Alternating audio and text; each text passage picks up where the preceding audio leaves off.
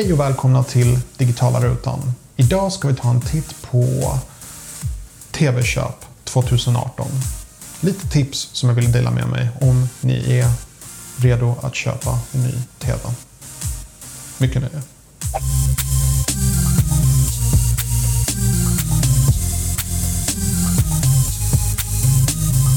Okej, okay.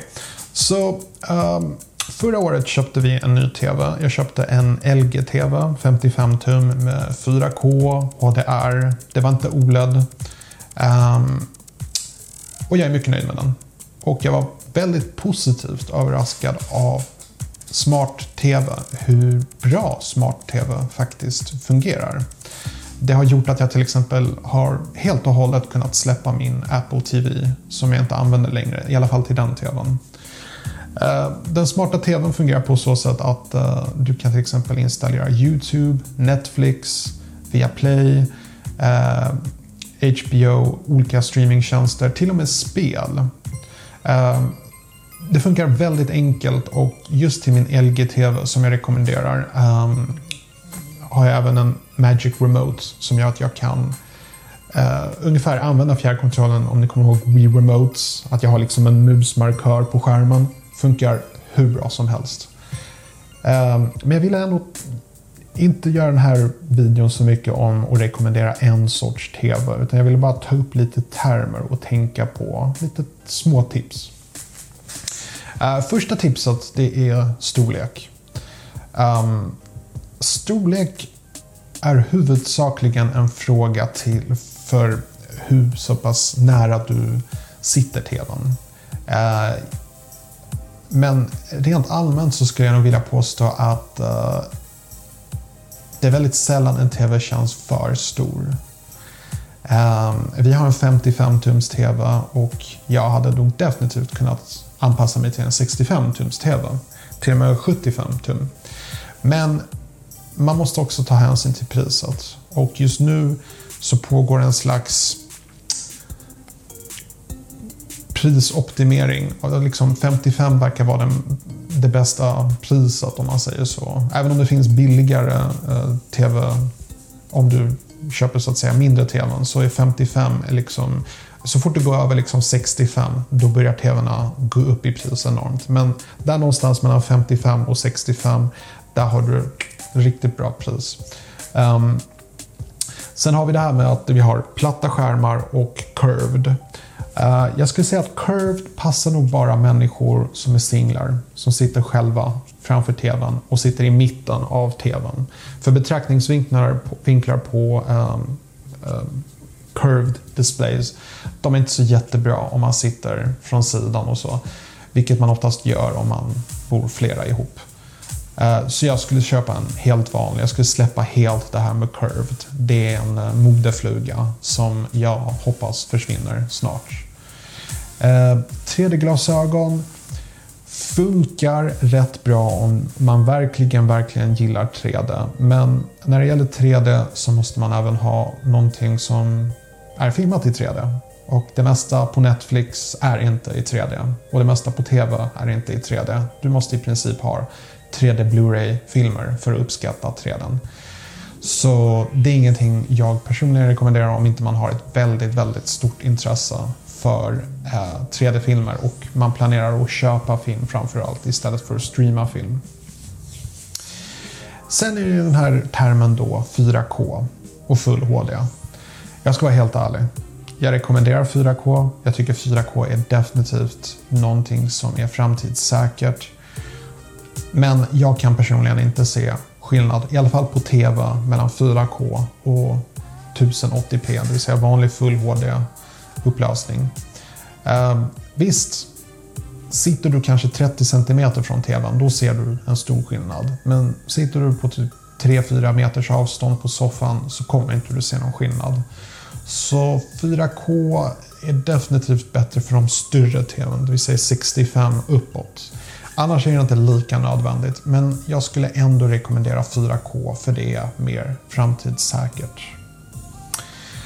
HDR HDR är ett väldigt intressant fenomen och det är så att säga istället för att gå från 4K till exempel 8K så har man valt att titta på andra saker. och det är högre färgdynamik. Och det kallas kort och enkelt HDR. HDR är eh, i princip den bästa bildupplevelsen du kan få vad gäller färger och färgkontraster. Eh, streamar du till exempel från Netflix så har de vissa filmer i HDR men du kan kolla på det, på det mesta och så kan du så att säga se det i HDR-läge.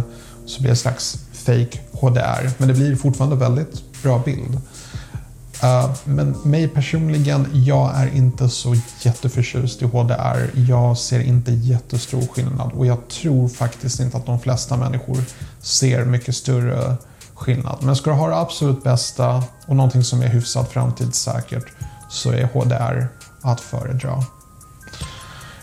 Uh, nästa steg är uppdateringsfrekvens på TVn. Så man pratar inte om FPS som till exempel i spel, utan man, vad man pratar då är millisekunder och hertz. Och vår TV har 100 hertz och det finns 200 hertz. De flesta TVn är väl på 60 hertz och du ska, jag rekommenderar en hastighet på 100 hertz minst. Eh, det finns många tester som har gjorts där man kan se att den största skillnaden är när du går från 60 till 75 Hz. Sen ser man inte lika stor skillnad. Eh, sen det här med Hertz är lite påhittat till den del att det inte är äkta hastighet. Och vad man oftast gör är att de flesta filmer är inte så pass snabba. De har inte sån uppdateringsfrekvens så man manipulerar bilden, det vill säga filmen. Och man kan se ibland spår av det. När du kollar på en helt vanlig film som är filmad i 24 frames per second så kommer du eh, du kommer se när det är snabba rörelser att det är någon slags fake morphing som har gjorts. Oftast är det inte så jättestörande och man vänjer sig och det är definitivt någonting um, skönt mot att titta på film med liksom lite mjukare rörelser. Um, det är däremot inte någonting som faller alla i smaken, så jag skulle inte säga att allihopa kommer tycka om det. Jag personligen, jag gillar det, men i vissa filmer när jag tittar på en klassisk Star Wars-film där det är mycket rörelser och sånt, då brukar jag faktiskt stänga av 100 Hz-funktionen. Uh, ehm, och så vill jag hellre se det så som det var, det var tänkt och filmat från början. Men den funktionen som sagt kan man stänga av. Det kallas för True Motion, i alla fall på LG-TVn. Sen är det det här snacket om svärta. Hur, hur mörk bild du kan få. Hur, hur liksom svart kan bilden bli? Och det är så intressant för nu finns ju OLED-TVn, vilket ger den absolut bästa svärtan någonsin. Det finns mobiltelefoner som har OLED eller AMOLED-skärm, som det heter. Och det är det, det absolut bästa. Bästa färgerna och bästa svärtorna. Jag vet inte varför folk vill att det ska vara så svart, men det bara är så. Och visst ser det lite häftigare ut när det är riktigt mörkt på skärmen i de delarna där det ska vara mörkt, det vill säga. Och riktigt ljust där det ska vara ljust. Ehm, men för att köpa OLED-TV så får man betala några tusen lappar mer och för närvarande är det bara LG som har OLED-TVn. Ehm, och de är väldigt dyra. Det har att göra med att det kostar mer att bygga OLED-TVn. Speciellt med så stora skärmar. Eh, vi har inte OLED-TV. Eh, vi har en vanlig LED-TV. Vi har däremot en liten teknik som kallas Local Dimming. Det kan du hålla utkik för. Då har den ett sätt att stänga av de pixlarna på skärmen där det ska vara mörkt. Hur det funkar i praktiken? Eh, det är inte perfekt och som tur är så kan man stänga av det. Men när det väl funkar så funkar det riktigt bra. Det som är framförallt väldigt bra med LG och jag, kommer nog, jag tror jag kommer rekommendera LG-TVn lite mer än andra märken än till exempel Samsung. Men det som jag gillar med LG-TVn är att du har så fruktansvärt mycket inställningsmöjligheter. Du kan bestämma bilden fullt ut. Eh, och ha bra inställningar på bilden är avgörande för att få den bästa bildupplevelsen. Men för de flesta människor, det är inget nödvändigt. Vad gäller märken däremot så verkar det vara två, två eller tre märken inom tv-branschen just nu som gäller. LG, Samsung och Sony. Vilken som är bäst? Det beror på vem du frågar. Jag gillar LG. Jag tycker det som är bra med LG är att Smart TV-systemet, själva operativsystemet, funkar klanderfritt. Och det gör inte Samsungs system tyvärr. Sony har jag inte så mycket erfarenhet av. Um, Philips är också ett bra märke. Men för mig, jag känner mig bara bekväm att kunna rekommendera LG-TVn. Som det ser ut just nu. Um, funkar väldigt bra. Eh, bra priser förutom OLED-TVn. Och eh, jag kan rekommendera med rent samvete. Så det var lite tips och tankar jag hade kring TV-köp 2018. Hoppas du tyckte det var hjälpfullt och eh, lämna gärna en kommentar om du har frågor och funderingar så återkommer jag så fort jag kan. Och så passar jag på att önska dig en trevligt fortsatt dag. Yeah.